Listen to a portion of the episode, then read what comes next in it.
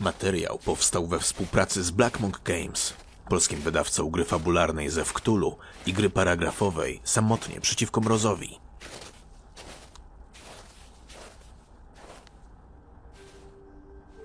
Ja sam nic z tego nie pamiętam. Nie mam prawa. Byłem za młody, jednak wiem, że jest to prawdą. Widziałem to w oczach mojego dziadka. Pewnej strasznej zimy, gdy u nas mróz kąsał o wiele silniej niż zwykle, gdy wkradał się przez szpary, by przejmować dla siebie kolejne pokoje, wydarzyła się tragedia. Niedaleko nas żyło małe plemię Indian. Oni zawsze mieli ciężej. Ciepłe lato sprawiło, że szkodniki bardzo się rozpanoszyły. Mówili potem, że wyżarły im one większość zapasów, a sroga zima nie ułatwiała polowań. Plemię poznało wtedy prawdziwy smak głodu. Każdy ma swoją granicę, a oni wtedy ją osiągnęli. Umierali z wyczerpania, zbyt dumni, by prosić o pomoc. Choć to makabryczne, ciężko jest się dziwić temu, co wydarzyło się później. Niektórzy w sekrecie poczęli posilać się ciałami swoich bliskich. Niestety, reszta plemienia dowiedziała się o tym zdecydowanie za późno. Którejś nocy ci odszczepieńcy przyszli po nich, już odmienieni, przerażający, przeklęci. Nastąpiła masakra. Zginęło wielu, lecz niektórym cudem udało się zbiec dzięki lawinie, która odcięła ich od pogoni. Nie musisz mi wierzyć, ale ja wierzę. Dziadek mi potem mówił, że ruszyli tam za dnia. Musiał jako szeryf. Taki był jego obowiązek. Mówił mi potem o rozerwanych namiotach, o pogryzionych ciałach, o śladach, jakich nie zostawia żadne zwierzę. Ja mu wierzę. Widziałem to w jego oczach. Tych strasznych, pustych oczach, które zaznały głodu.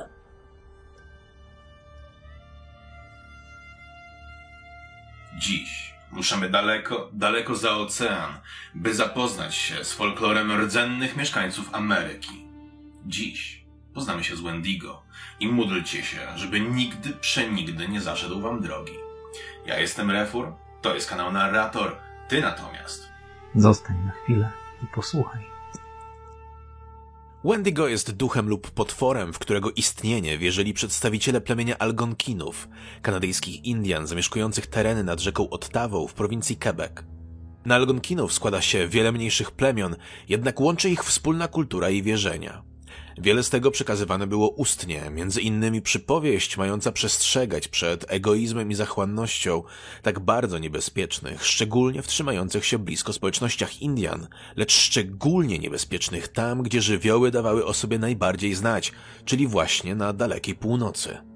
Według tej legendy istniał potworny rodzaj ducha, który miał powoli, konsekwentnie przejmować władzę nad ludźmi, którzy byli szczególnie zachłanni i samotni. Opętany miał zaczynać odczuwać łaknienie ludzkiego mięsa. Według innej wersji tej legendy, duch Wendigo opętywał po prostu osobę, która dopuściła się aktu kanibalizmu. Ofiara od tego momentu miała czuć niezaspokojony głód i potrzebę pożywiania się mięsem swoich pobratymców i obcych. Po pewnym czasie zaś miała następować transformacja we właściwą formę Wendigo. Opętana osoba rosła do niedostępnych ludziom rozmiarów, ze skórą zwarto opinającą nabrzmiałe od wzrostu, lecz wychudzone kończyny. Wendigo miały posiadać szarawą skórę z oczami wbitymi głęboko w oczodoły. Według wierzeń nadejście potwora miało zaś zwiastować nagłe ochłodzenie oraz okrutny smród rozkładającego się mięsa. Ciekawym elementem jest to, że niektóre z plemion Algonkinów dodawały do tego opisu serce z lodu, jeszcze inne plemiona mówiły zaś, że Wendigo rosło proporcjonalnie do ilości zjedzonych ofiar, przez to właśnie, pomimo wychudzonego wyglądu, zawsze były one nienasycone. Chyba każdy z nas ma tego dziwnego, szczupłego znajomego, który je więcej niż reszta i w ogóle tego po nim nie widać. O cholera! To dopiero popularyzacja mitu pomiędzy przybyłymi na nowy ląd Europejczykami i ich potomkami miała nadać Wendigo bardziej zwierzęce elementy, które znamy z ich współczesnych obrazów, jak futro i poroże lub rogi, prawdopodobnie mieszając mit z bardziej europejską opowieścią o wilkołaku. Choć czasem opisuje się te bestie jako bezmyślnych pożeraczy, niektóre legendy przytaczają bardziej rozumny, żeby nie powiedzieć ludzki obraz Wendigo, Pewien etnograf zanotował legendę, wedle której Wendigo porwał pewnego bardzo chudego chłopca. Chłopiec był jednak zbyt szczupły, by go zjeść, dlatego Wendigo zabrał go ze sobą w długą podróż przez dzicz. Raz na jakiś czas Wendigo miał nacinać nożem dłoń chłopaka, by sprawdzić, czy przytył, ale trudne warunki sprawiały, że chłopak pozostawał szczupły. Dlatego też któregoś dnia wysłał go do wioski, koło której przechodzili, by ten zdobył coś do jedzenia. Chłopak nie miał wiele czasu, lecz wiedział, że to jego jedyna szansa. Zebrał ludzi i pokazywał im nacięcia, prosząc o pomoc. Nagle z lasu dobył się donośny głos, mówiący, by chłopak pośpieszył się i nie opowiadał więcej kłamstw. Indianie ruszyli za chłopcem, odnaleźli Wendigo, po czym odcięli mu nogi i zostawili.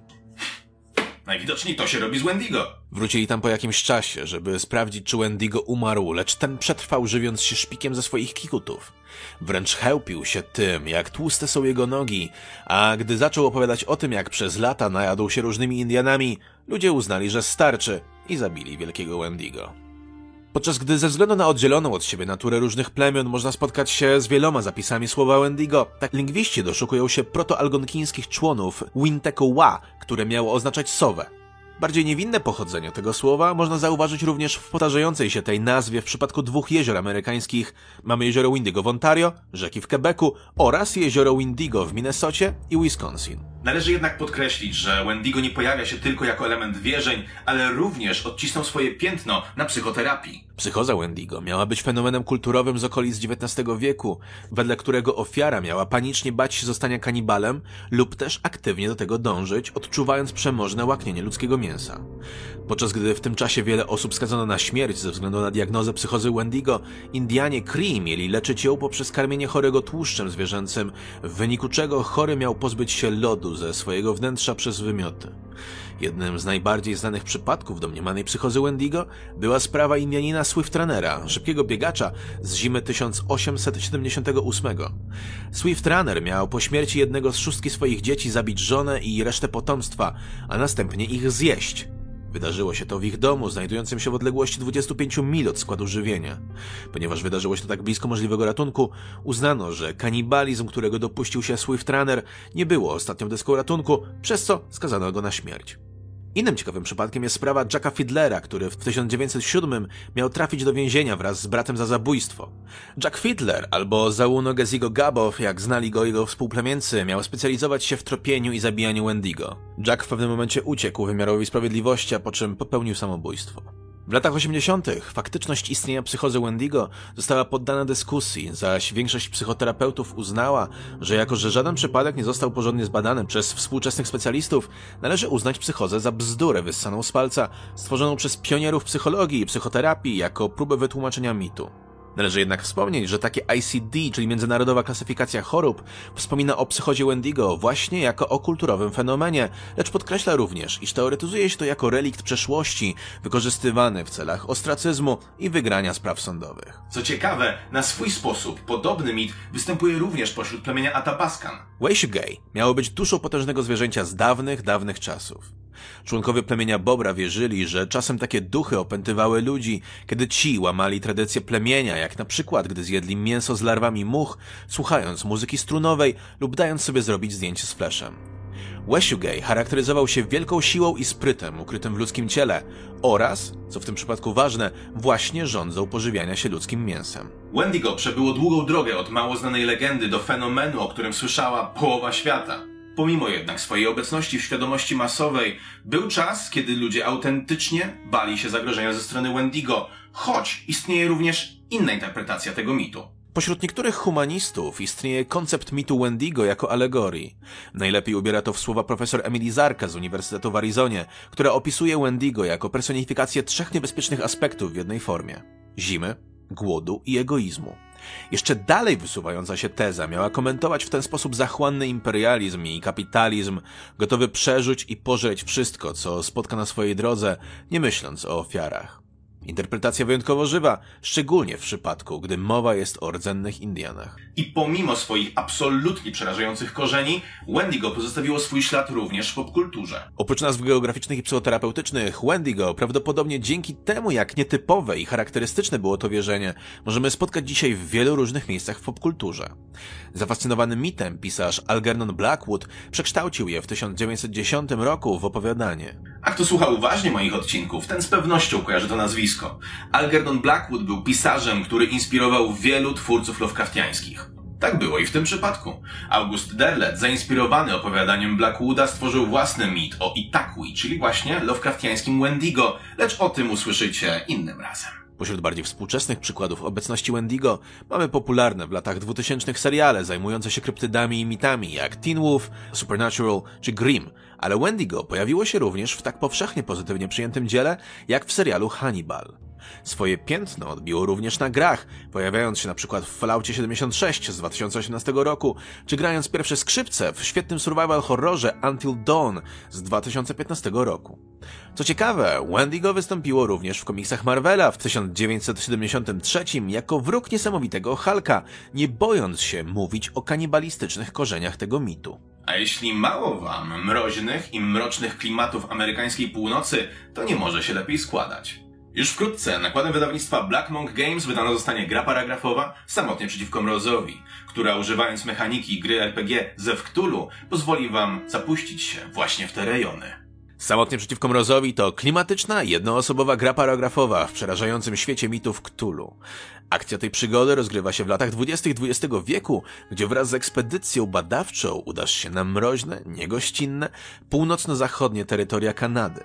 W tej opowieści wybierasz swoją własną drogę. Od twoich wyborów zależy, czy osiągniesz sukces, czy też poniesiesz porażkę. Tylko do końca stycznia kupicie Samotnie przeciwko mrozowi w specjalnej przedpremierowej cenie. Tymczasem kończę materiał i zostawiam was z pytaniem, w jakim medium po raz pierwszy usłyszeliście o Wendigo? Czy była to fantastyczna gra Until Dawn, czy też coś innego, o czym wspomniałem lub też nie? Widzimy się w sekcji komentarzy. Ja się żegnam, ale pamiętajcie, że jeśli podobał się wam materiał, to każda łapka w górę, każdy komentarz i udostępnienie znajomym pomaga walczyć z bezlitosnym algorytmem YouTube'a. Do usłyszenia. Cześć!